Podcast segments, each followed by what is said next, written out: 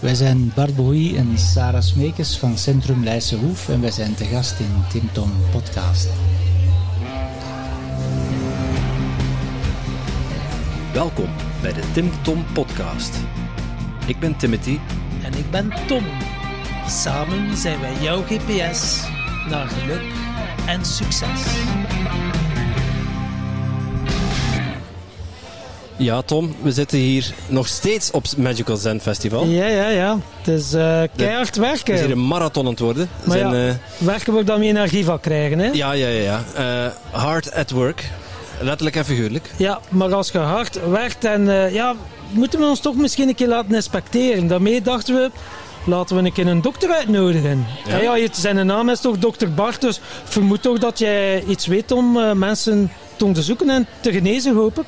Ik heb geen flauw Of idee, gezonder maar te maken. laat het dan helemaal Dus- zelf vragen. Voilà. Dag, eh, dokter Bart. We hebben al een keer een dokter gehad, maar dat was een Nederlander. Dokter Juliaan en dokter Richard de Let. En nu een keer een dokter zie, dokter Bart uit Vlaanderen zie. Kijk eens aan. Dag dokter, of mogen we Bart zeggen? Dat maakt voor mij niet uit als we elkaar maar herkennen. Dat Ja. is belangrijk. Is dokter Bart en dokter Sarah? Nee, gewoon Sarah. Ah, gewoon Sarah. Oké, ja. Dat mag ook, hè. Dus voor ons is het gewoon Timothy, hè. Voor de duidelijkheid. Oké. Wij doen niet aan titels vandaag. Dus Maar- Tom, ik stel voor dat je je even uitkleedt en dan ga ik u direct onderzoeken. Oké. Ja, is Tom, goed. begin jij Goed, met... Tom is zijn broek al uit, hè. Dus... Oké, we zijn er klaar voor. Bart, waarom, ja, waarom noemen mensen jou dokter? Ja, dokter zijn, dat is zoiets... Dat is een titel, hè. dat komt van de universiteit. Hè. Eigenlijk is het niet echt dokter, het is arts tegenwoordig. Hè. Het is eigenlijk dat je arts bent om mensen te helpen genezen. Ja. Dierenarts. Wel, mensenarts, hè. dierenarts, dat is dan voor de andere soorten. En ik Ja. ken veel ampetante apes, hè. Ja, dus arts, ja, dat is inderdaad mijn titel. Ik ben eh, opgeleid in de geneeskunde, eigenlijk in de orthopedische chirurgie, spoedgevallen geneeskunde, maar ook een beetje in de oorlogschirurgie en rampengeneeskunde. Oké. Ja, dat is eigenlijk een beetje mijn basisopleiding. Ja. Maar eigenlijk is dat niet hetgeen dat ik nu doe. Nee. U had dus zoiets, de, de reguliere geneeskunde, ja, de, gesponsord door de farmaceutische industrie, daar vonden nu niet direct uw dada in. Wel, ik doe nog altijd klassieke geneeskunde deeltijds in een ziekenhuis als spoedarts. Maar mijn hart ligt toch meer bij de mensen als geheel zien, hè? meer holistisch. En ik noem dat dan liever nog de integrale geneeskunde. Dat betekent dat je eigenlijk de mens centraal zet in al zijn facetten. En dat je van daaruit gaat zien wat veroorzaakt uw lijden en kunnen wij daar iets aan doen samen. Dus je gaat eigenlijk meer als coach naast de persoon zitten die vraagsteller is of patiënt is.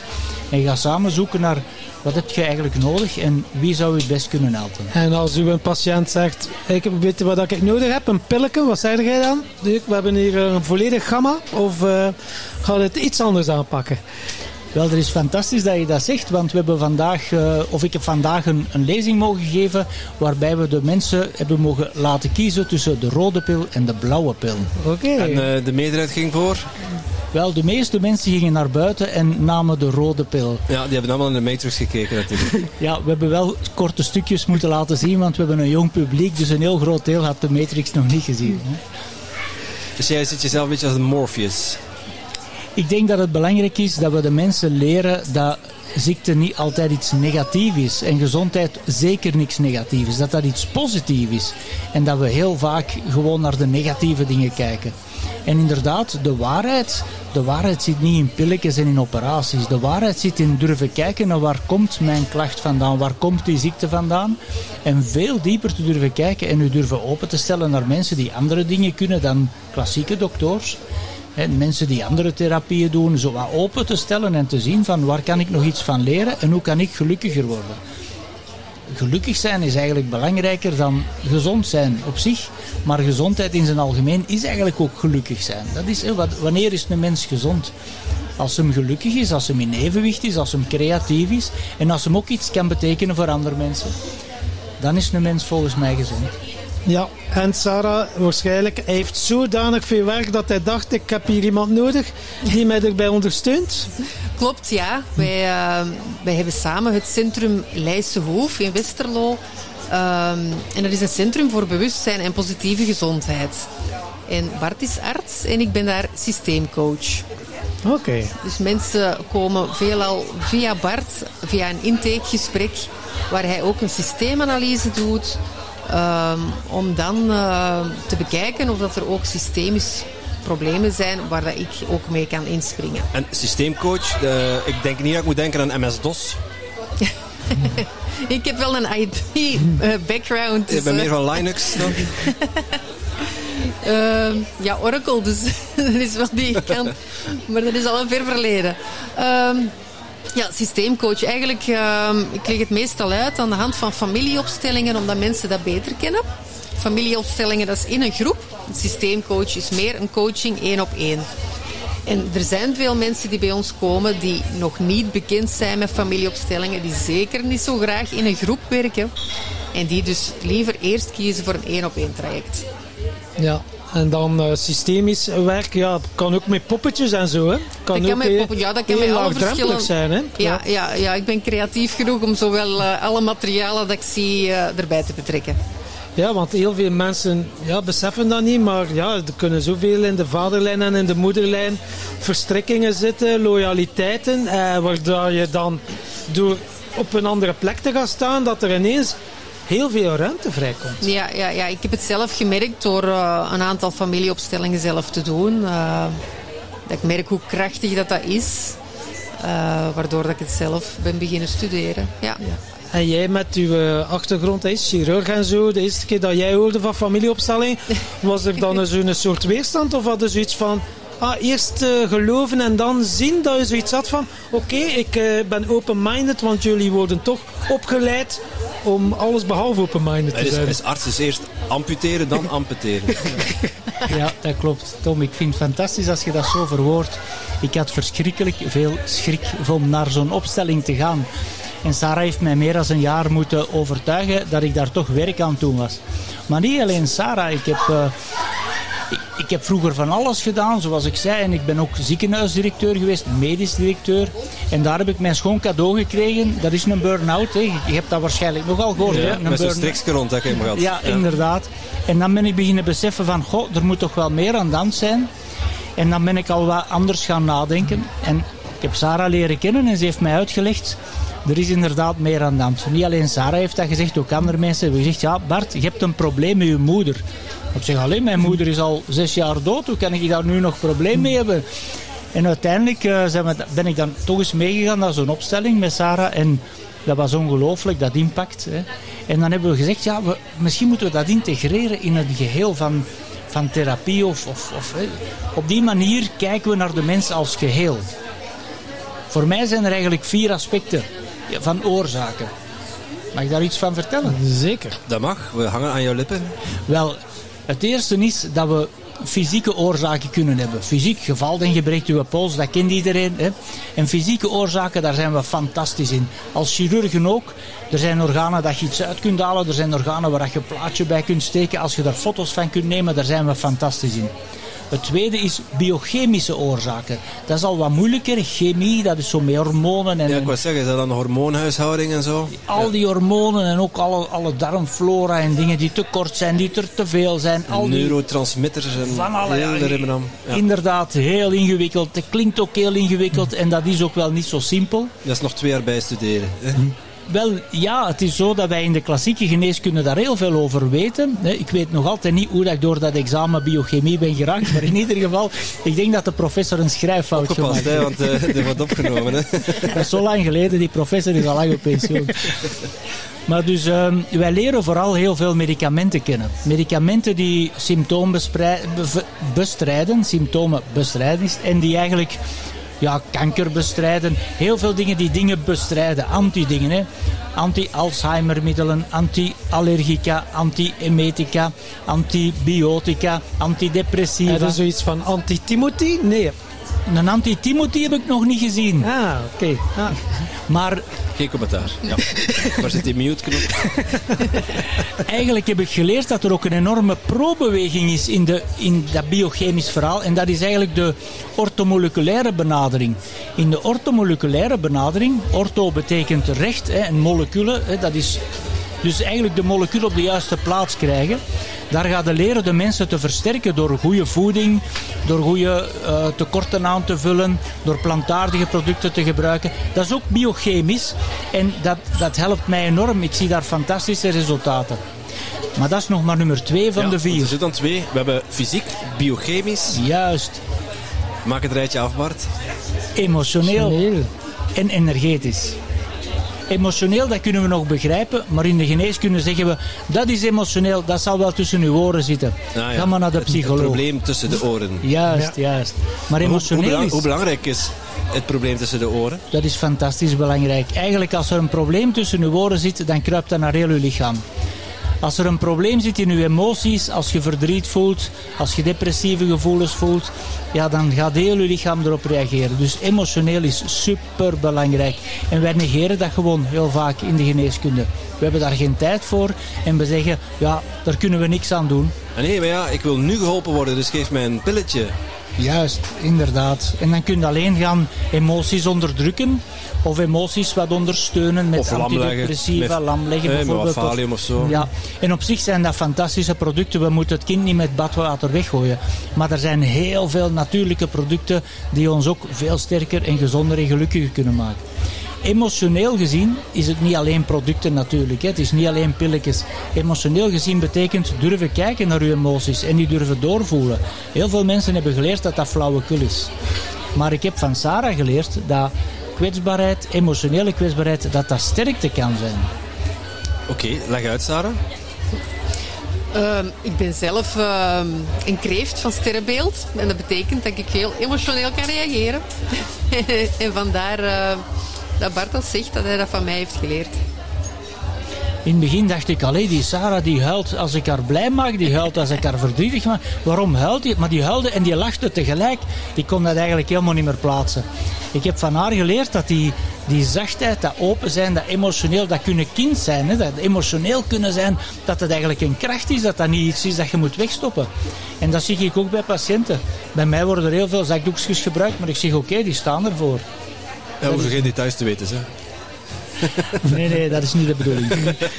Maar Sarah, kun je, kun je eens uitleggen waarom het zo krachtig is dat mensen hun emoties tonen? Wel, ik merk dat eh, vooral wanneer dat ik een opstelling doe, dat mensen ehm, door te leren voelen, dat dat eigenlijk allemaal zomaar ineens boven komt. En door dat te uiten, komt er een helingsproces. Oké, en, en als we, dat wordt wel eens gezegd, hè, Bart zei het net ook, eh, door je emoties heen gaan. Kun je eens uitleggen wat, wat dat precies is en hoe je dat aanpakt? Dat zijn twee vragen in één, maar begin De maar met het meeste eerste. mensen stoppen al direct hun emoties weg. Wanneer Ja. dat ze al een traan voelen, is dat direct Oh, dat alles, alles blokkeren. We gaan dat hier niet verder laten, maar gewoon het toelaten. Door, door gewoon er te zijn en te zeggen van het is oké. Het is oké om Maar- boos te zijn, het is oké om verdrietig te zijn, het is oké om je een keer slecht te voelen. Ja, juist. Om die emoties eigenlijk echt gewoon te laten zijn zoals ze zijn. Er, er gewoon te laten uitvloeien, is dat oké. En dat is dan de eerste stap. Eh, hoe gaan we er dan effectief doorheen?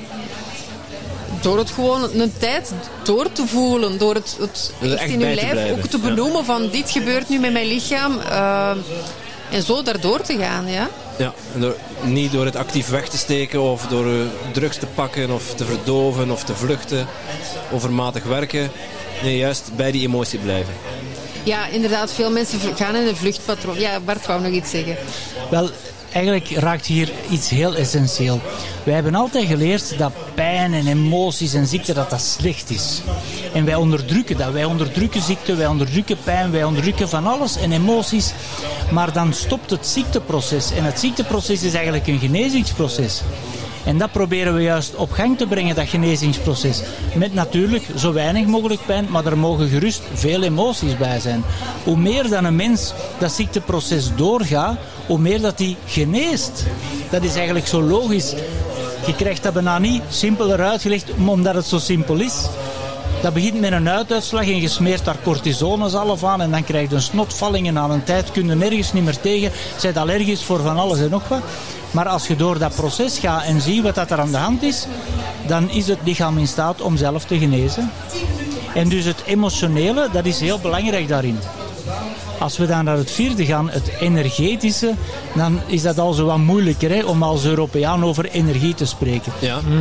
Die Chinezen kunnen dat goed en de Indiërs kunnen dat goed, want die hebben chakras en chi en al den boel.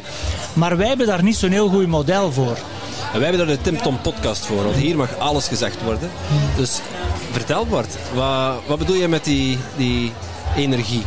Waar hebben we het nu over? Wel, die energie, dat is eigenlijk onze levensenergie. Onze levensenergie is al, heeft als doel om levendig te zijn, om te genieten, maar ook te genezen. Die is constant aanwezig. Ik citeer heel graag Vitulkas, dat is een Griek die aan de basis ligt van de moderne homeopathie. Die heeft daar een enorme vooruitgang geboekt door daar een mooi structureel model van te zeggen. Die zegt, die noemt dat de vitale energie.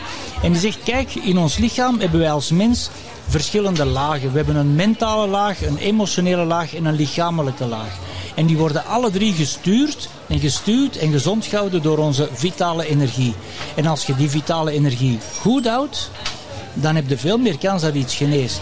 Hoe meer dat je die zaken onderdrukt, emoties of pijn of ziekte, hoe meer dat dat dieper kruipt en hoe meer dat dat terugkomt als een andere ziekte. En aan een tijd wordt dat een mentale ziekte of een emotionele ziekte of een andere ziekte die altijd maar blijft terugkomen. Dat vind ik eigenlijk een heel eenvoudig, maar fantastisch model. Dus die vitale energie, hoe dat je dat ook noemt, chi, prana, ja, er zijn zoveel prachtige woorden voor. Maar eigenlijk is dat de energie die maakt dat wij gelukkig zijn en dat wij gezond zijn. We willen altijd wel zo een, een quick fix oké, om het zo snel mogelijk van de baan te hebben. En dan kan je dat ook allemaal beginnen omdenken. Als zij positief of gewoon niet verdrietig zijn, belicht het op die manier of kijk er op die manier naar. Dus je kunt met je mind ook heel veel fixen op de korte termijn. Maar dat is niet altijd de beste manier. Wel, we zijn een beetje in een wereld van one-liners. We houden van snelle quick fix. En, en er wordt ook veel reclame ook van, ja, als je dit pilletje niet neemt, dan genees je van alles. Ja, zo werkt dat natuurlijk niet. Ons lichaam en onze, onze, onze emoties en onze, ons mentaal gedeelte moet genezen. Dat één pilletje helpt natuurlijk niet. Er is niks dat zomaar helpt. Het is echt door heel dat proces gaan. En dat proberen Sarah en ik te doen door mensen te helpen te begrijpen in hun proces. En we doen dat door medisch onderzoek. Neem gerust een flyertje mee, hè? We doen dat door medisch onderzoek, we doen dat door coaching, we doen dat door groepstherapie. En we werken in een netwerk van therapeuten die eigenlijk allemaal dingen op zich doen. Dat zijn psychologen, daar zit een psychiater bij, maar daar zitten kinesisten bij, osteopaten. En daar zitten ook mensen bij die energetische dingen doen, zoals acupunctuur, homeopathie. ehm, ja, andere energie, ik ken ze niet allemaal, ik kan ze ook niet allemaal opnoemen, maar er zijn er veel hè, die je zelf ook kent. Reiki, Ja, Ja, kwakzalver zo. zijn de volksmond. Nee, ik ben ermee aan het lachen. ja, kwakzalver, dat is maar- inderdaad met- het woord. Met, energie, eh, vaak wordt het in de, in de rationele wereld worden die weggezet als kwakzalvers. Eh, jij bent zelf arts van opleiding. Hoe, hoe wordt er door de medische wereld naar, eh, naar zulke mensen gekeken? Want wij hebben ook een Reiki-opleiding gevolgd. Wij weten hoe energie werkt. Wij passen het ook effectief toe. Eh, maar ja, dan uitleggen tegen iemand die daar totaal geen kaas van gegeten heeft, dat is een flinke uitdaging. Hoe, hoe wordt daar in de traditionele geneeskunde naar gekeken? Wel, het woord traditionele geneeskunde is mooi dat, als je dat zo zegt. Het is inderdaad een geneeskunde die zeer traditioneel denkt. Je leert wat dat je op de universiteit leert en dat moet je verder toepassen. En al de rest is kwakzalverij of nonsens of werkt niet. En het rare is dat heel veel mensen naar dat soort therapieën gaan, maar we willen dat als dokter precies niet accepteren. Ze gaan dan naar daar en dan zien we dat precies als vrije tijdsbesteding. Maar als ze naar echt een meneer dokter komen, dan, dan gaan wij ze genezen. Ja, zo werkt dat natuurlijk niet. Er zijn heel veel dingen die werken om mensen gelukkiger te maken en gezonder te maken. En die fundamenteel werken. Maar wij leren dat helemaal niet. Klopt. Ja, ja, ja, er zit ook een verdienmodel achter natuurlijk. Eh, het is, eh, we zijn het regelmatig in onze podcast. De voedingsindustrie maakt u ziek en de farmaceutische industrie houdt u ziek. En dat is een fantastisch verdienmodel, omdat het dezelfde basis zijn. Dus ja, Tja, wat moet ik daarop zeggen? hè? Wat moet ik Niet, niet te veel, want we we're running out of time. Eh, je hebt het deelde over geluk, eh, Bart. Maar eh, ja, laat dat nu toevallig onze gimmick zijn. Wij vragen aan al onze podcastgasten wat betekent voor jou geluk. Dus wat betekent geluk voor jou? Wat is jouw definitie van geluk? Geluk, dat is... Ja, we runnen out of time, zegt je. En in dezelfde zin vraagt aan mij een definitie van geluk. Dat is wel een hele uitdaging. Ja, zo zijn wij. Ja. Voor mij heeft gelukkig zijn verschillende aspecten. Maar het eerste is, mij een gelukkig mens voelen is iedere dag opnieuw zin hebben in het leven. En een zinvol leven hebben. En voor mij betekent dat de liefde die ik voel in onze relatie, maar ook de liefde in de wereld, de, de goede energie, de goede vibes. Maar ook dat je mensen kunt helpen. En ook voor mij dan weer dat ik veel dingen mag leren. Leren is voor mij echt enorm zinvol. En dat maakt mijn leven leuk. En dat maakt mijn leven. En Sarah maakt mijn leven ook grappig. Sarah heeft enorm veel creativiteit en humor. En ik heb van haar. Dus eigenlijk ben ik zo'n gelukkige mens. Ja. Dus wat is geluk? Ja. Hetgeen dat je ziet, dat is Mooi. Ja, het Ja, voor maar ons, is voor alle tijd. En onze podcast die gaat... eh, Wacht, wacht. Ik wil, ben ook wel benieuwd naar Sarah's definitie van geluk, hè? Tom? Ja, ja, ja, ja, ja, maar ik ging het anders doen. Maar dat is Ah, goed. Ja, oké, oké. ja, het zo spelen, ja. Ja, oké, maar eens. wat is geluk? Ik, eh, ik ga me naar de jongste schikken zien. Ja, dat Nu is mijn tur om de baas te spelen. Ja. Voilà, oké. Voor mij geluk, ja, ik was er ondertussen even zo over aan het nadenken. Ehm, dat is contact maken met je innerlijk kind. En, en het speelsheid. En eh, ja, elkaar daarin vinden. Mooi. Dat ja. maakt wel gelukkig. Ja, daar kan ik me wel in vinden. Ja, heel mooi. En eh, ja, geluk gaat bij ons ook hand in hand met succes. Wat is jouw definitie van succes? Wat betekent voor jou succes? Oh, dat is een moeilijke vraag. Hè? Wat is succes? Gelukkig zijn vooral. Oké, Ehm hmm, ja, dat is een vraag waar ik eh, moeilijk op kan antwoorden, vind ik. Ja, je ontkomt er niet aan om het toch te doen. en stel dat die vraag nu gemakkelijk is, wat zou je erop antwoorden? Stel dat die vraag nu gemakkelijk is. Wat is succes? Ehm, succes is ook gewoon blij zijn met al hetgeen dat je al hebt. Kijk, Voilà. Dat Prachtig. is ook wel gewoon... Ja, meer moet het niet zijn. meer moet het Nee, niet zijn. Voilà, kort Voilà. antwoord dan. Ja. Bart, ja, je voelt hem al aankomen, hè? Wat is voor mij succes? Ja. Wel, voor mij is succes dat je doelen kunt halen. Als je je doelen stelt, dat je die kunt halen, dan ben je succesvol. Hè? En vroeger waren mijn doelen, je kunt het al raden als dokter, een grote auto, een groot huis en een groot gezin. En dat groot gezin, dat hebben wij, want we hebben samen zes kinderen, de meeste pubers. Dus dat hebben we zeker al gehaald. Die Straf. kunnen we wel afvinken. Een grote auto, ja, het is wel een oude auto, maar een grote. Hè? Maar eigenlijk is dat allemaal niet meer zo belangrijk geworden. Dat is allemaal, ja, dat Dat is allemaal materieel, materialistisch. inderdaad. De, de doelen die wij nu halen om mensen te bereiken, om mensen bewust te maken met ons centrum en meer mensen gezondheid als iets positiefs te laten zien en onze relatie die eigenlijk ook heel succesvol is en de relatie met onze kinderen, dat is eigenlijk voor ons succes. En hetgeen dat daarbij komt, dat komt daarbij. Sarah leert mij meer van, je kunt eigenlijk met minder meer doen dan met meer. Dus ja, daar ben ik zelf een beetje moeten gaan inbieden. Maar voor mij is succes inderdaad de halen van de doelen die je wilt. En die zijn we eigenlijk constant aan het halen. Dus Heel mooi. Prachtig. Mooi. Jullie mogen nog een eh, vraag bedenken voor onze volgende gast. Ja, want de volgende gast staat er al te wachten. Zie. Die staat eh, aan de linkerzijde. Zie. Maar we zeggen niet wie het is, Gina. de vraag voor de volgende gast. Ja.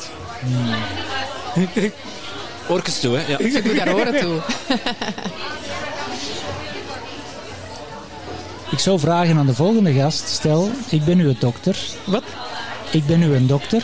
Ja. En ik geef u een rode pil en een blauwe pil. De welke zou jij nemen?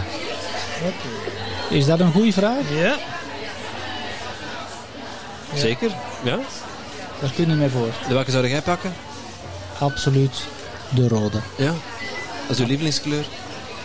Ha, de rode pil. Ik heb heel lang de blauwe pillen geslikt. Ik heb er heel veel geslikt. Maar de rode pil, de waarheid, de essentie, ja, daar word ik gelukkig van. Absoluut. Mooi.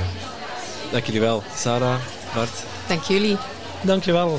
Dank u, Tim Tom. Ik moet het Alle twee. noteren, wat anders... eh, Ja, hij heeft, hij heeft Alzheimer. Heb je daar geen pilletje voor, dokter? Ik ben Gina Peters. U kan mij ook kennen als Gina Lisa. Vandaag gewoon de Gina, hè? te gast eh, in de podcast van Tim Tom. Ja, ik dat nu juist gezegd, Tim Tom podcast? Of ja, ik wil het nog eens doen, hè, Schuld? Welkom bij de Tim Tom Podcast. Ik ben Timothy. En ik ben Tom. Samen zijn wij jouw GPS naar geluk en succes. Ja, het was juist de Tom. De Tom Tim Podcast.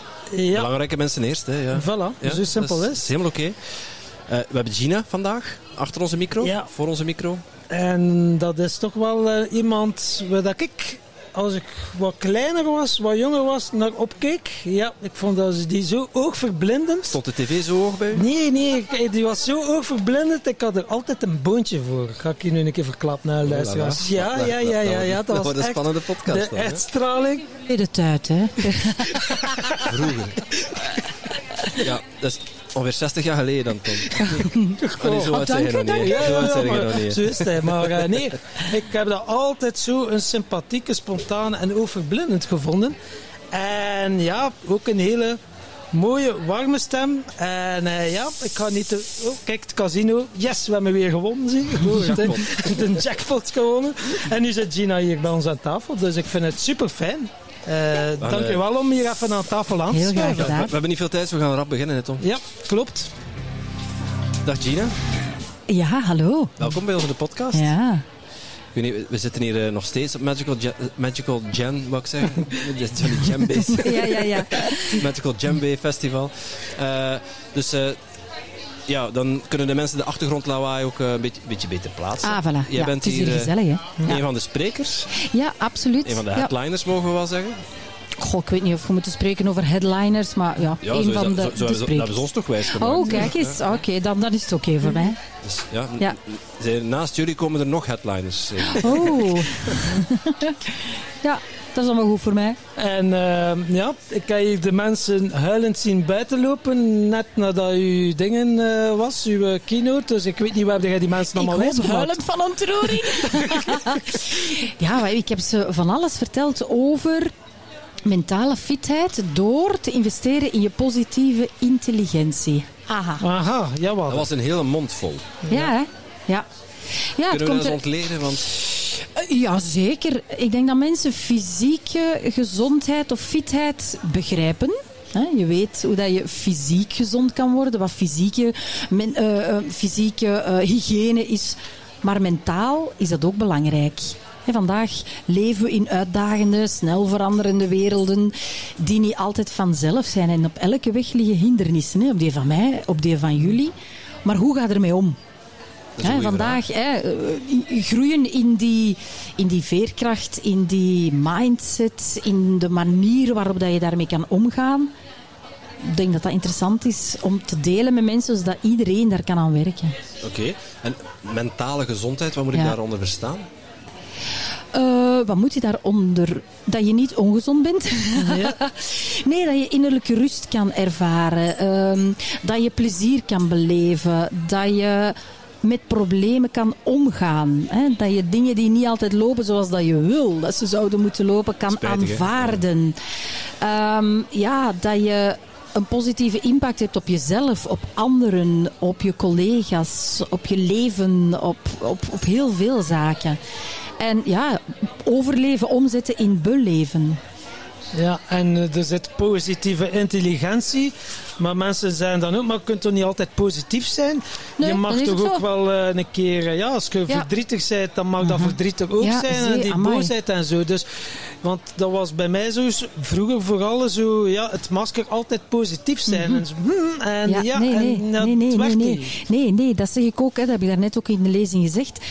Dit gaat niet over toxische positiviteit. Mhm. Oh, problemen bestaan niet. En ja, ik ga altijd lachend door het leven. En goh, wat ik meemaak, er zijn veel erger dingen in het leven. Nee, hè, je kan verdrietig zijn, je kan eens falen, je kan eens boos zijn. Dat hoort erbij. En die emoties mogen zeker ook zijn plaats krijgen.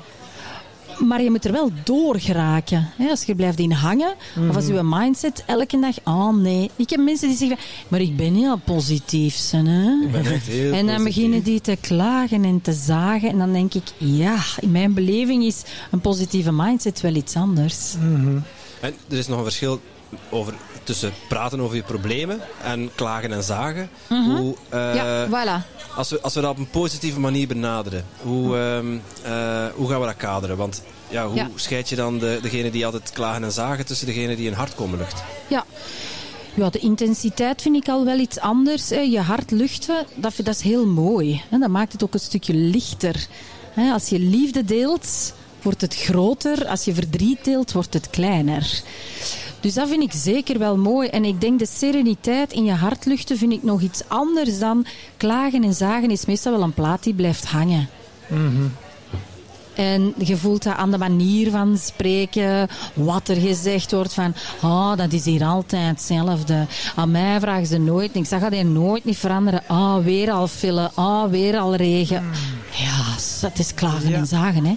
Ja. Dat verandert niks. Hè, ik denk als je je hart lucht, dat verandert misschien wel iets. Maar klagen en zagen, ik heb toch nog niet ontdekt dat dat iets verandert. Toch niet? Nee, hebben als- jullie wel? Allee, het kan zijn dat ik me Ik vergis, weet hè. één ding, als je je omringt met zo'n mensen, wordt ook zo. Ah, dat is echt zo besmettelijk. Hè? Positiviteit is ook besmettelijk. Ja. Dus omring je maar met mensen die bewust positief in het leven kunnen staan, maar die niet weglopen van problemen. Hè? Maar ze wel bespreekbaar maken, op zoek gaan naar, heb ik er impact op of niet? Moet ik het aanvaarden? Kan ik het veranderen? Wat zijn de oplossingen? Wat zijn de opties? Wat zijn de opportuniteiten? Hoe kan ik daar rustig bij blijven? Allee, je kunt er van alles over zeggen. Zeker. En dan eh, denk ik er zo, ja, jij komt dan uit de televisiewereld. Hè, dan is het ook veel show, al die maskertjes, de Prozac-gezichtjes, altijd smilen. Zo van, ja, ja, met mij gaat het goed hoor. Maar, er- Ja. en dan, maar als je dan wat gaat gaan voelen, of je ziet die persoon, strookt het niet en dan voel je heel diep verdriet. Of dan Ja, denk je zo van, Ja. dat is hier een façade dat je opzet, maat. en Dat klopt voor geen meter. Nee, en ik kan wel begrip hebben voor de keuze. Ik ga mijn verdriet niet delen met het grote publiek. Daar wil ik absoluut hè, begrip voor hebben. Maar zo ben ik er eigenlijk ingerold. Hè. Jaren geleden, toen ik nog bij VRT werkte, voelde ik wel aan collega's van... Die hebben het moeilijk. Eh, ze zijn kwetsbaar. Ze zijn onzeker. Eh, ik zag ook veel collega's uitvallen. Ook wel bekende mensen. Van ja, hoe moet ik met mijn verdriet omgaan? Hoe moet ik met mijn onzekerheden omgaan? Want vandaag hot en morgen misschien not. Dat is, allee, dat is wel pittig allemaal. Dus daar ben ik wel lang geleden dan ja, begonnen met hoe zou ik die mensen kunnen ondersteunen? In hoeverre zou ik eigenlijk hier in dit huis een rol kunnen vervullen die dit stukje wat gaat begeleiden, daar tijd voor maakt, daar een cultuur kan rond creëren. Dus zo is het eigenlijk allemaal Zo begonnen. wat het bespreekbaar maken Ja, uiteindelijk al. absoluut. Ja, ja, In een allee, psychologisch veilige omgeving. Hè? Want het is natuurlijk niet zo gemakkelijk om als bekende figuur die in de spotlight staat verdriet te hebben.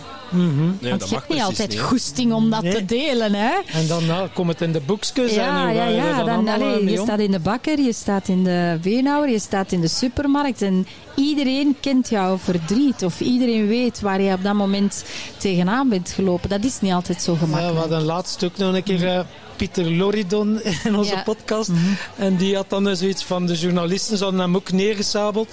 En die had dan zo voor elke naam van de journalist rat gezet. rat. Dus als er iemand belt, oh nee. Ja, zoek een manier hoe dat je ermee kan omgaan. Hè. Ja. pas op. Hè. Allee, ik denk ook wel, allee, als we dat bruggetje maken naar die sociale media vandaag. Ja, dat is onsociale of asociale media geworden. Het is gewoon ja, een schietkraam geworden. Van wie kan ik niet uitstaan? Waar wil ik eens ja, op kakken gewoon? Allee, dat is niet mooi hè, hoe dat we vandaag met elkaar omgaan. Ja, jij als vrouw, hoe heb jij je dan zo staande gehouden? Dan moet je toch wel... Mindset, hè? Mindset, ja, Ja. Dat zat er al van kleins af in. Heb jij altijd je mannetje ik, ik heb wel een aangeboren talent om ja, positief te zijn. En ehm, ik ben wel wat, wat zelfzeker en hard van karakter. Ehm, dus dat helpt. Nu ben ik redelijk gespaard gebleven, omdat zo de opkomst van social media ja, ik heb dat begin nog wel meegemaakt, maar ik was tijdig weg, zal ik maar zeggen. Alhoewel dat ik er vandaag ook nog wel eh, mee geconfronteerd word. maar ik denk vooral het niet groter maken dan het is. En dat is ook positieve intelligentie. Er kan één iemand commentaar hebben op wie dat je bent, hoe dat je eruit ziet, wat dat je hebt gezegd, wat je niet hebt gezegd, whatever. Maar daar tegenover staan misschien honderd mensen die jou wel aangenaam vinden, die, die wel willen luisteren, uh, waar je wel verbinding mee hebt, waar je wel een positieve impact op hebt. Maar meestal één slecht veegt al die anderen van tafel. En dat heb ik bewust nooit gedaan. Mm -hmm. Je kunt niet voor iedereen goed doen. Dus ik, ik, dacht, hou je dan bezig met de mensen waar je wel goed voor doet. En die anderen, ja, kijk, neemt ze erbij, maar geef er geen aandacht aan. Ja, dankjewel en door. Wat blieft? Het is eigenlijk dankjewel en verder. Door. Ja, dus, uh, dankjewel ga ik nu niet zeggen. Maar. tegen jezelf, hè? Jezelf ah kunnen... ja, nee, dan denk ik van... Ja, ik, allee, ken je de mindset van een eend? Ja. Zo zijn Hè? Dat is eigenlijk... Ja. Ja, Een even eend, goed. ja, weet je, die blijft dobberen op dat water. Is slecht weer. Allee, je, giet daar maar eens bakken regen over. Ja, die wordt even nat. Die schudt en die is terug droog en die is weg. Dus ik schud dat dan een stukje van me af. Ja, gewoon even de, het Ja, van, ik heb u gevoeld. Ja. Ik heb het gezien, ik heb het gehoord, want eh, je blijft mens. Maar ik schud dat echt zo van mij af. Ja, want jij bent nu, hè, ja, we kennen jou dus als eh, ja, tv, in de tv-wereld. Maar dan ja, moet je dan toch een shift maken. En ja, misschien heel wat mensen uit de tv-wereld hebben dan enkel maar dat gedaan om dan nog iets anders te gaan doen. Ja, dat is toch een heel ander gegeven. Oeh, ja, oeh. Dus hoe wat de anonimiteit, hè. Oei, er is ook nog een andere wereld. Hoe is dat voor jou gegaan? Kon jij dat dan makkelijk zeggen van, wow, ik heb het hier gezien en nu ga ik voelen wat ik echt zin heb om te doen? Of? Ja, ik voelde dat al lang. Dus ik ben stiekem hè, achter de schermen al goh, lang gelezen. Ik was 32 hè, toen ik tegen mezelf zei: Het wordt tijd dat je terug je hoofd wat vult. Ik ben heel leergierig en mijn honger naar kennis was op dat moment echt heel erg. En ik, allee, ik, had, ik had een topperiode. Hè. Ik presenteerde een na het ander. Allee, dat was super. Ik heb me rot geamuseerd. Maar zo innerlijk zei er wel een stemmetje. Maar blijf ook bijleren. En dan ben ik allerlei opleidingen beginnen volgen. Ik ben nu 51 en ja, hè, 32. Ik ben al even bezig. Ja. Maar ik wist wel, er gaat een dag komen waarop dat die media, die, die, dat entertainment klaar is. En gaat je daarop wachten of gaat je proactief u toch al wat interesseren of inwerken of ja, u klaarmaken voor een, een, andere wereld, een andere zet. Dus inhoudelijk. Ik was niet bezig met bekend zijn of niet. Dat, dat, dat is eigenlijk... Ja, anderen spreken daar altijd over. En dan zo, ah ja, dat is juist, ben bekend. Ja, dat speelt zo niet mee. Dat was ik vergeten. Ja. Ja, echt, ik vergeet dat soms. Ja. Dan zeggen ze iets in een BV en dan denk ik, bescheiden Vlaming, wat bedoel je dan? nee, maar dus ik, ik had wel, ik, had, ik heb dat wel gepland. Ik wist, als ik oud en wijs genoeg ben en levenservaring genoeg heb, dan wil ik een andere mensgerichte job gaan doen. En zo gezegd, zo gedaan. Toen ben je politieagent geworden. Nee, dat is juist niet. nee, mijn zoon wel. Dus ja, het zit, een beetje, zit wel een beetje in de familie. mee nee, nee, nee. Ja. Maar eh, waar, waar help jij de mensen mee op dit moment, Gina? Want ja, positieve intelligentie, Ja. dat, is, dat is één ding, maar dat is maar een heel klein facet van wat jij... Ja, dus, een, dus een, toch een, een behoorlijk facet. Ehm, enerzijds werk ik als coach één op één. Hè, Cognitieve gedragscoach. En dan help ik mensen. Dan, ik word eigenlijk een beetje nu een fitnesstrainer. De mentale fitnesstrainer. Oké. Hoe ga je ervoor zorgen dat jij je problemen kan dragen? Hè? Dat jij oplossingen ziet, dat je een andere mindset hebt, dat je innerlijke rust ervaart. En, eh, dus dat is een groot stuk. Ik ben ook nog burn-out begeleider, loopbaanbegeleider, narcismecoach. En allee, dat is al een, een pakketje vol. Dus eh, daar hou ik mij mee bezig. Maar er is ook wel een groot stukje dat in de corporate wereld meer zich afspeelt. Hè, waar ik eigenlijk ehm, in samenwerking hè, met, een aantal goede collega's. Isabel Hoebrechts is eigenlijk een experte in well-being. Die heeft mij onder een arm meegenomen. En die stuurt mij uit naar allerlei organisaties waar er iets kan gedaan worden rond well-being. En dat gaat van coachend leiderschap naar stressregulatie, naar hartcoherentie, naar communicatievaardigheden. Dus ik ben bezig. Ja. Dat- En dan dat is- ook boeken schrijven. En Dat al, is ja. zodanig veel, maar als je daar één ding van zou moeten uithalen wat je echt het aller, allerliefste doet, waar help je de Oeh. mensen het liefste mee? met het vinden van geluk en innerlijke rust. Oké. Geluk, daar gaat onze podcast over. Daar gaan we zo meteen over uitweiden. Eh, innerlijke rust, wat, wat is dat, hoe zou je dat omschrijven? Wat is dat precies? Als je zo een smiling boedakje ergens hebt in je buik zitten. Snap je wat ik bedoel? Eh, Ja. ik, voel hem al, ik voel hem al Ja. lachen. Ja, ja. Ja, innerlijke rust, innerlijke glimlach, innerlijke tevredenheid. Ja, noem het hoe dat je wilt. Gewoon content zijn, blij zijn, beleven. En hoe doet eh, Gina dat? Zit je dan elke dag op je meditatiekussen? Of, Nee, eh, want dat heb ik niet. Ik heb al geen zittend gat, daar begint het al mee. Hè. Maar er zijn heel veel andere manieren om daaraan te werken. Hè. En voor mij is dat die mentale training. Hè. Zeer bewust zijn van mijn gedachten. Hè. Elke gedachte allee, gaat een impact hebben op jouw gevoel en jouw gevoel op je gedrag. Ik maak daar denken, voelen, doen van. Ja. DVD. Dus ik probeer zoveel als mogelijk te luisteren. Hoe, hoe klinkt mijn plaat? Hoe klinkt mijn DVD? Hoe sta ik vandaag in deze dag? Dus echt je gedachten gaan observeren. Ja, ja, ik doe dat 's morgens. Ik doe dat voor ik ga slapen.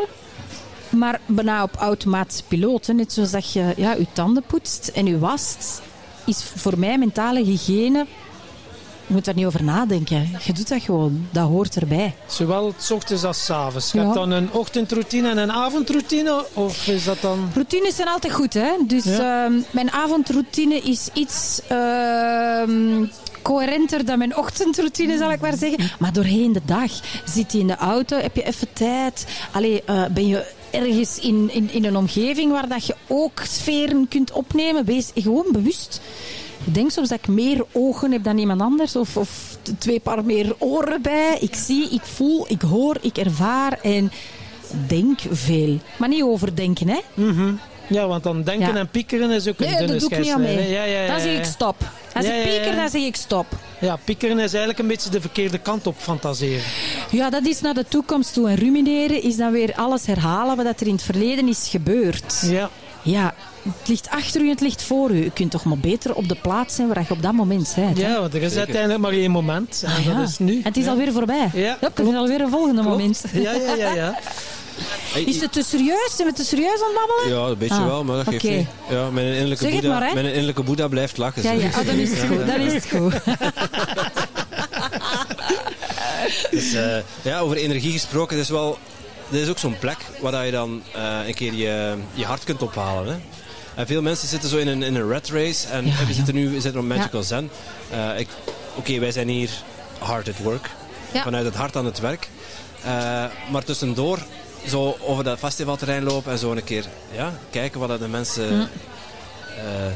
Of eigenlijk niet kijken, maar eer, eer voelen hoe de mensen erbij zitten.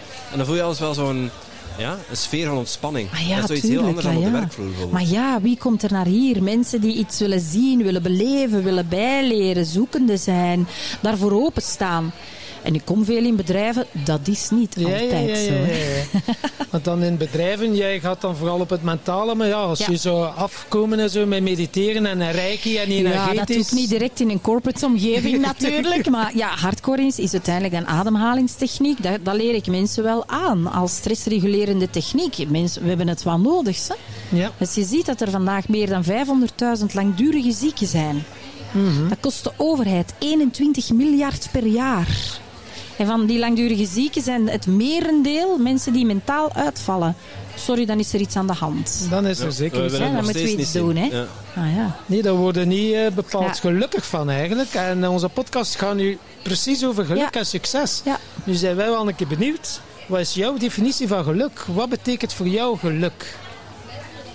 Eigenlijk heb ik het al gezegd, het ervaren van een eh, smiling Boeddha ja, in mijn ja, buik. dat hè. is een mooie. Ja, maar ja, geluk. Je kunt eens geluk hebben.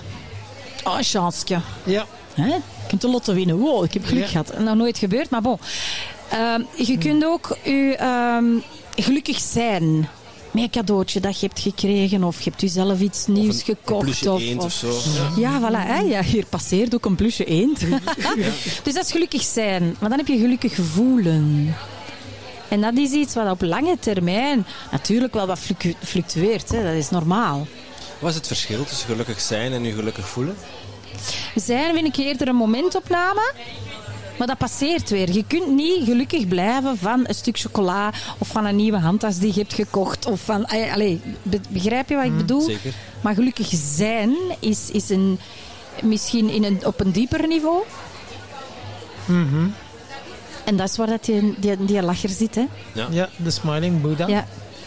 En ja, bij ons, ja, geluk en succes ze gaan een beetje hand in hand. Wat betekent voor jou eh, Ja. succes? Wat is jouw definitie van succes? Eh, oeh, ehm, als dingen die ik graag doe, geapprecieerd worden.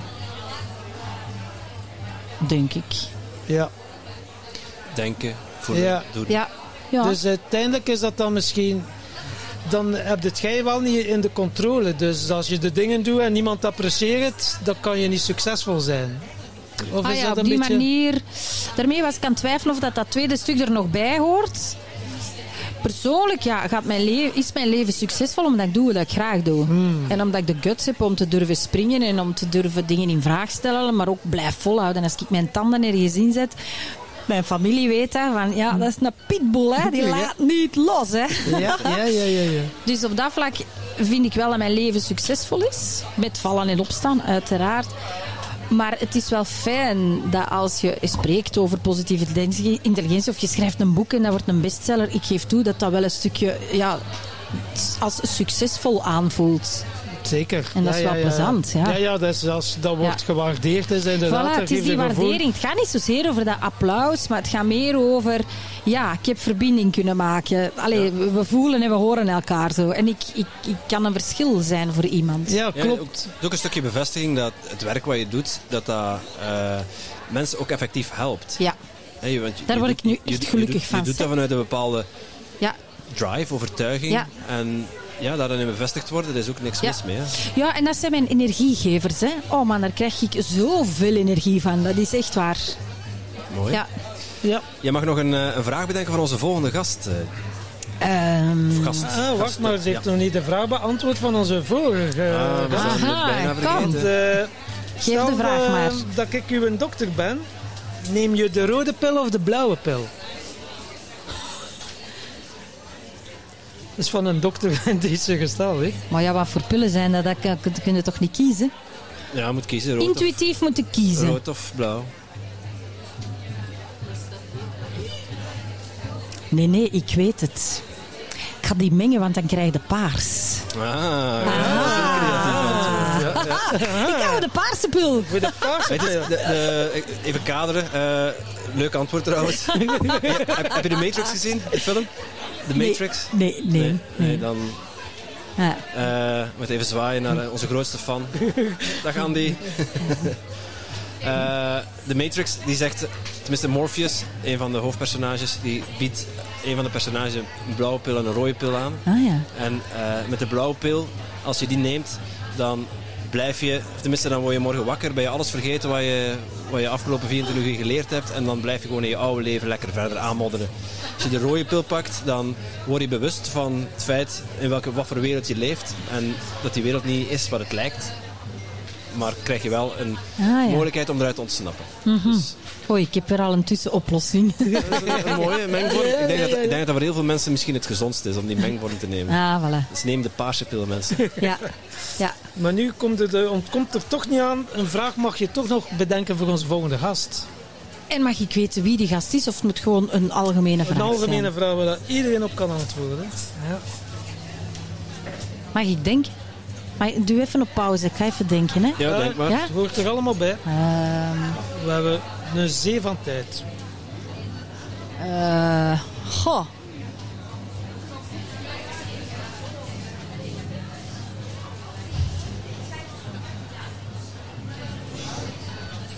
Amai. Maar ja, dat was nu zo'n goede vraag. Nu moet ik een even goede vraag hebben. Ja, dat moet niet, hè. Maar dat is mentaal, hè. Ja. Gewoon Ah, ja. mentaal. Ga maar naar het gevoel. Het gevoel. Dat is het eerste wat in je opkomt. Ja.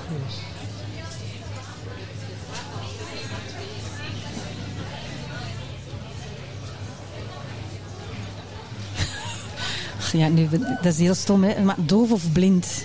Maar blief. Wil je, als je moet kiezen, doof of Ah, ik blind? vind dat een mooie, ja. Die hebben we nog niet gehad. Nee, Maar daar worstel ik zelf mee met die vraag. Ja, wat zou het voor u zijn? Ik weet het niet. Dat is een moeilijke, Je hè? moet kiezen.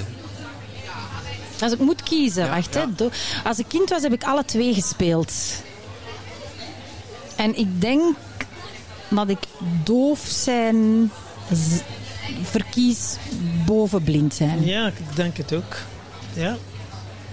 We toch, ja, het meeste Ja. toch visueel... eh, Maar als ik dan ja, praat met dove mensen, dat klinkt nu wel raar, maar je kunt er op een andere manier wel mee communiceren. Dan zeg je wel, het is niet dat wij het niet horen, dat we het niet voelen. Dus ja, misschien zit in doof zijn ook wel iets moois. Zeker, ja. De CIA en wat is het allemaal, die gebruiken nu net... eh, nee, die gebruiken geen doof, maar eh, blinden. Hè, om echt wel de gesprekken van telefoon, om dan die veel beter, dat dat veel beter ontwikkeld is. Ah ja, dat ja, blind ja, maar is, ja, dat dat zijn met blinden, is- maar met doven. Oké, ja, met het zien en het niet horen kun je toch die, allee, die trillingen Ja, ja, ja, voelen, ja, hè? ja, klopt inderdaad. Ja. Ja. Ja, ja interessant. Dat is een hele mooie vraag. Is het goed? Heel goed. Wij wachten nog op, eh, op ons Saartje, maar mocht jij weten waar dat ze zit? Ja, eh, dat is, ja, dat is een goede vraag voor Saartje. ja. Saartje, waar ben je? We gaan ze zoeken ze. ja. Gina, dankjewel. Dankjewel. Gina. En als, oh, als, en als mensen meer willen weten over jou, eh, waar kunnen ze bij jou terecht? Waar kunnen ze jou vinden? Ehm, alle wegen leiden naar. ik heb een website ook. Eh Gina Peters, koppeltekencoach.com. En Gina, ik moet eerlijk zeggen, 26 minuten. Wij doen nu een beetje te veel oneer aan, want we hebben dat moeten afhaspelen al dat geen naam is. Dus we nodigen u ook nog een keer graag uit voor de volledige aflevering. Ah, wel, Voor- daar vind ik voor wat meer m- diepgang. Dus eh, Ik ga daar graag op in. oké, super. Dankjewel. Tot binnenkort dan. Tot Dag. binnenkort. Ik ben Saartje van Andriessen en ik ben ehm, De gast. de gast. Dat was het. In- de... De Tim Tom Podcast. Oké. Ja. Welkom bij de Tim Tom Podcast. Ik ben Timothy. En ik ben Tom. Samen zijn wij jouw GPS naar geluk en succes. Ja, dat, ging er, dat kwam er niet heel vlot uit hè, voor een presentatrice. Eh, maar ja, dus dat was om eens een keer te testen hoe dat we daarmee omgingen. Want eh, ze trok een knipoog naar mij. Ik weet niet of dat voor dat was of gewoon dat ze een tik nerveus heeft. Ik heb echt geen Nee, idee. het was persoonlijk was naar jou. persoonlijk, Ja. ja. Nee, maar ik wilde mij eigenlijk helemaal voorstellen en dacht ik, nee, dat is helemaal de bedoeling niet. Dus ik moest gewoon zeggen, te gast in de Tim, Tim Top Podcast. oh my god. Oh, laat het. Kijk. Dag, ik ben weg. De toon is gezet, hè? Ja, de toon is gezet. Nee, wij vinden dat leuk. Wij knippen niet, wij plakken niet en het mag er allemaal zijn. Oké, perfect. Goed. Saartje, welkom bij ons in de podcast. Ja. Het wordt een hele, hele korte podcast. Ja, Onze gemiddelde podcast duurde 2, 2,5 uur. En eh, deze gaan we op 10 minuutjes inblikken. Want Ja. jij hebt Ja. straks nog een lezing, ja. ik heb straks nog een keynote ja, over, Keynote eh, noemen ze dat, ja.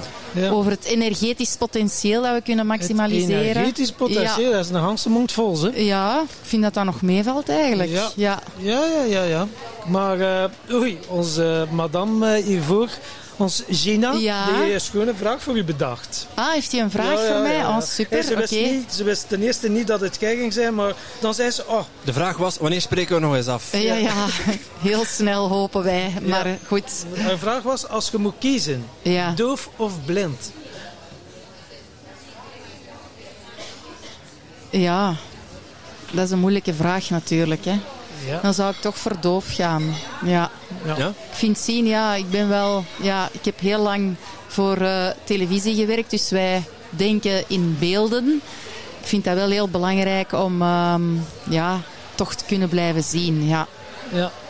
Auditieven is ook altijd heel belangrijk geweest, natuurlijk het spreken. Maar goed, Ja. dove mensen kunnen eigenlijk nog wel mits Kunnen goede training spreken. Ja, ja, ja. Ja. Ah, ja, ik denk dat wel, hè. Op, Ja. ja. Ja, dan zou ik ook voor doof kiezen. Ja? Ja, er Ja. zijn al Ja, heel goede ook. technieken, denk ik, om ook eh, via de computer en Brian en wat is er allemaal? Via de Nee. Brian is blind. hè. Amai. Ja, dat is voor, voor dove mensen Ja. die misschien ook braaien. hè. Die kunnen ook braaien lezen. Hè. Ja. Ja. ja, die kunnen dat, ja. Iets minder Dat is evident, niet ja. nodig, maar...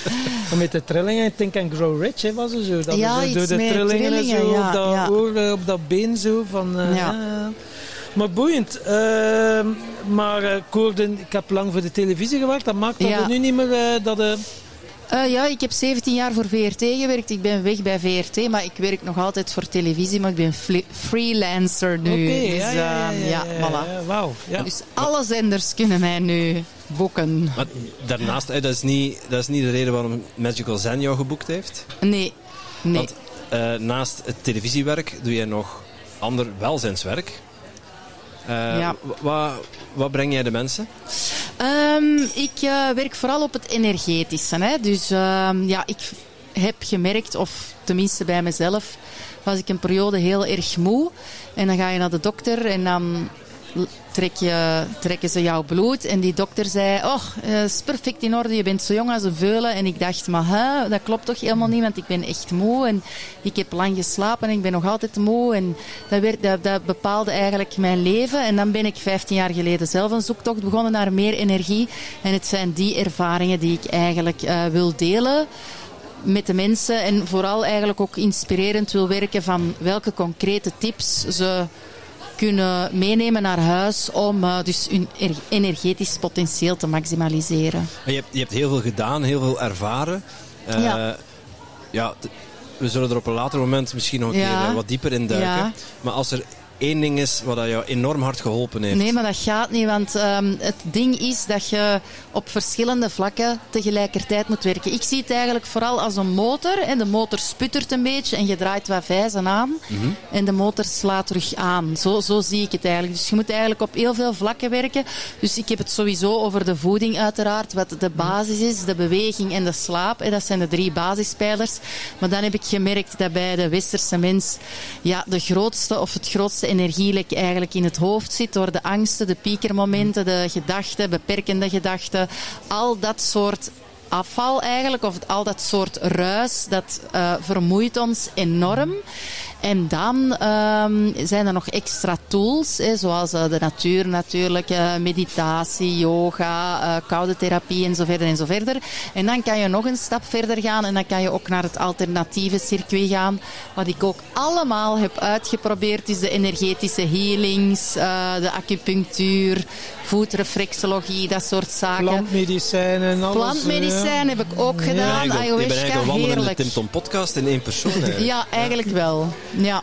Ja. Dat is ook iets waar wij met onze podcast naar streven. Om Ja. eh, dat toegankelijk te maken, om persoonlijke ontwikkeling. Ik schaar het even onder die noemer. eh, maar om dat toegankelijk te maken voor, voor iedereen. Ja, En er is voor iedereen is er wat wils. Mhm. Eh, niet alles past bij iedereen. nee. En van al die dingen die, je- die je gedaan hebt, is, is er zoiets wat, wat echt uitspringt van... oh, dat had ik niet gedacht, dat vind ik echt super tof. Ehm, voor mij was het summum echt wel het plantmedicijn, dus de ayahuasca.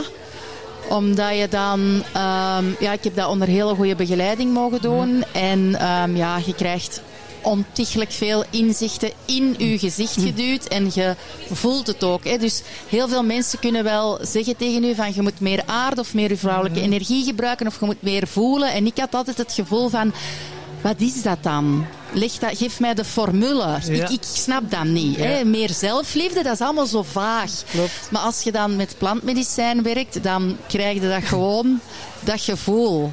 Dan komt moeder Aya u eigenlijk vertellen van, weet u niet wat dat is, meisje? Ja. En wel, ik zal het u een keer laten voelen. En als je het dan voelt, heb je zoiets van, ah, Ah, dat is dat, ja, dat dat is het. Nu Ah, begrijp ik het. En ook heel veel inzichten dat je eigenlijk wel ergens goed weet, maar omdat het zo sterk binnenkomt, ga je ook handelen naar de inzichten. Dus je kunt heel veel zeggen van, je eet eh, te veel, hè, te ongezond. Hè.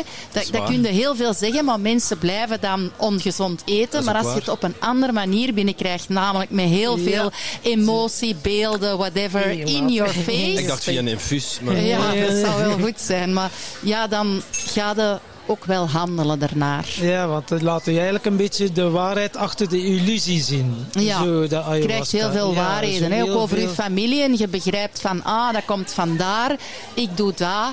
Ehm, ja, het is eigenlijk, zoals ze zeggen, 80 uren therapie is eigenlijk ayahuasca, maar ik wil dat zelfs 500 uren therapie Ja, ja, ja, ja. noemen. Ja, Allee, ja, ik bedoel, ja, ja. het is zo... ehm, effectief. Ja, ja, ja. En ja. zo confronterend ook. Bij momenten ehm, heb ik wel echt eh, mensen rare dingen zien doen. Dus, ja, Ja, maar jij is bent echt wel een creatieve duizendpoot. Hè? Want als ik je daar zag bij Miriam Marie, je was dan ook... eh het even niets gezegd wat dat jij allemaal gedaan had. Ik dacht, Ja, ja. En dan zegt ze nooit meer moe. Ik dacht, oké, Ja. ja. heel veel mensen Maar- zouden dan... Daar hebben we nu geen tijd voor om dat erover te hebben. Nee. Want jij moet zo naar je keynote. Ja, We willen wel jou heel graag nog vragen. ja. eh, wat betekent geluk voor jou? Eh, geluk. Eh, ik denk dat geluk nu, op deze moment, want dat varie- varieert bij mij wel enorm, eh, is om in het hier en nu te zijn. Eh, zeker met die handpan op de achtergrond. dat Ja, ja, ja, ja, ik zit eh, heel vaak zo in, eh, in, in de toekomst. Niet in het verleden, maar in de toekomst. Zo van, eh, ja, als ik nu dat heb, dan ga ik gelukkig zijn. Allee, kent je het eh, Ja. fenomeen? Maar ik denk dat het toch belangrijk is om in het hier en nu proberen het beste van te maken.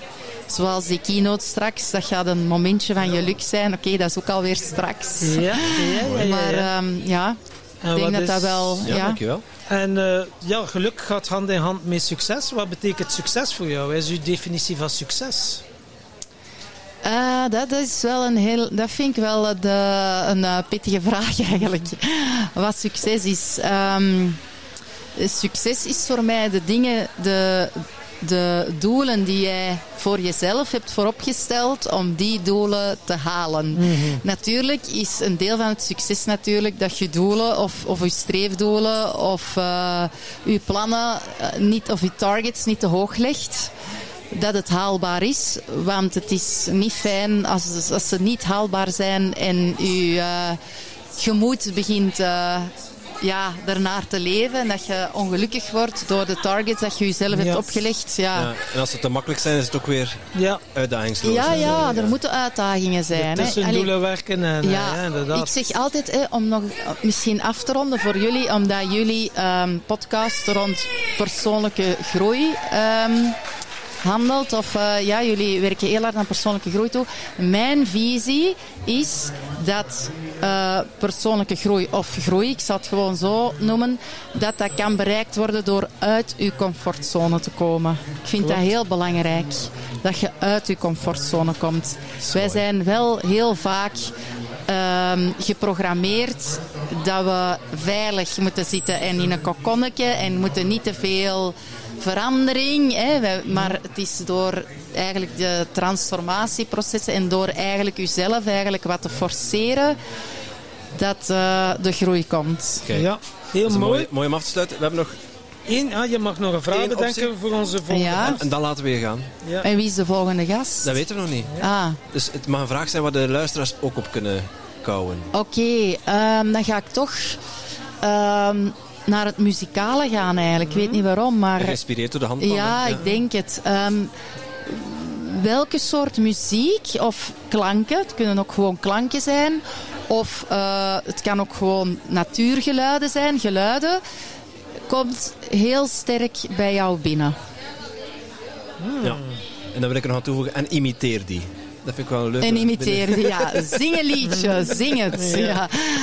Voilà, dat Mooi. was mijn mooi. vraag. En, eh, het zou wel leuk zijn, oh, hoe kunnen we jou bereiken om de podcast dan toch nog iets langer eh, te doen? Ah ja, ehm, via mail, telefoon, Instagram, Ja, wat wil je? Want ik, ik ben een moderne dus- ja, mens. via WhatsApp is wel een makkelijke. Ah ja. WhatsApp. Eh, 0475. eh, wacht, hier gaan we dat hier even... Ah, ze is nog aan het opnemen. Ik stel voor dat je het Ze mogen mij allemaal intypt, eh. bellen, de luisteraars van de Tim Tom we- we- we- podcast. We, we gaan het gesprek eerst afronden en dan... eh, ja. Oké. Ja. 5-1. Nee, het gaat niet. Goed Ah jawel, eh 7349, alsjeblieft. Voilà. Kijk eens aan. Dat mag uitgezonden worden ook? Ja? I don't care. Ehm, dankjewel. Wat ik u nogal Je wil ging zeggen... toch niet knippen, hè? Dus Nee, ik wist dat wel, hè? nee. Dus ik was mij er wel bewust van. Eh, wat we nog willen Ja. zeggen is, eh, uw agenda, Ja. 7 september 2024, zet die vast. Is een zaterdag voor op ons Tim Tom Festival. Ah, oké. Dus dat is... Eh, dus dat. Oké. Eh, dat staat al in schoon gezelschap eh, van Ja. persoonlijke groei. Dr. Juriaan zal er ook zijn, Richard Telet, Michael Pilarczyk, Roy Amai. Martina, Oeh, la la. Willem Oh, Glaudemans. Dat zijn allemaal... eh, Serge van Dries. Roy kan toch niet Martina, manкeren? Ja, ja, ja, ja. Richard de Let, Wij gaan eh, Michael Pilarski zijn wel mensen die ik Het zijn, allemaal, volg. het zijn allemaal podcastgasten van Ja. ons. Dus, dat, is- dat maakt die het extra allemaal bij ons in de podcast En wat, wat komen die dan? Komen die of, ah, of een tof, soort, ja. eh, ja eh, iets en Roy. Martina ook? Die Ja, komt ja, ja. cadeautjes uitdelen. Ja, Roy Amai. Martina en die gaan een quantum jump doen, denk ik. Ja, Zalig, die hebben we twee Ja. maanden geleden hebben we hem te gast gehad. Jongen, jongen. ja, dat dat is, een beetje zalige speciaal, hè? Ja. Ik heb zo'n vierdaagse bij hem gevolgd. En, eh, op top, een gegeven moment zat hij bij mij s'avonds aan tafel en hij zei letterlijk van ja, ik ben afwezig, hè, want ik zit in de vijfde dimensie. En ik had echt zoiets van, kun jij niet gewoon terugkomen? Ik bedoel, we zijn aan het eten. Eh, maar goed, hij zat daar... De quantum jump. Ja, eh, hij zat graag in de vijfde dimensie. Ja, was dat met Milan Somers dan al ook erbij? Of, eh, was hij dan Nee, het was, aan de, het was in eh, Nederland. Ah, hè, en, ja, eh, ja. Oké, ja. Tof, tof, tof. Vierdaagse. Ah. Wel moeilijke materie. Dus ja, ja, ja, ja. ja. Vind Dus het wel, Ayahuasca-materie, ja. Nee, dan is ayahuasca moeten niks doen. Dan moeten gewoon liggen en, en loslaten. Ja, inderdaad. En ervaren. En zijn. En zijn. Zalig. Dankjewel, Dankjewel. Tim en. Tom. Bedankt. En eh, we spreken nog af voor... eh, Absoluut. Super. Ja, dank u. En jij natuurlijk ook super bedankt om te luisteren naar deze podcast. Voel jij je geïnspireerd? Je zou ons een enorm plezier doen door ons 5 sterren te geven of een review achter te laten in jouw favoriete podcast-app. En wil je geen enkel inspiratiemoment missen? Abonneer je dan op onze podcast of volg ons op social media at TimTom Podcast. Oké, dan moet je weer ook terug aan de Tom. Hè?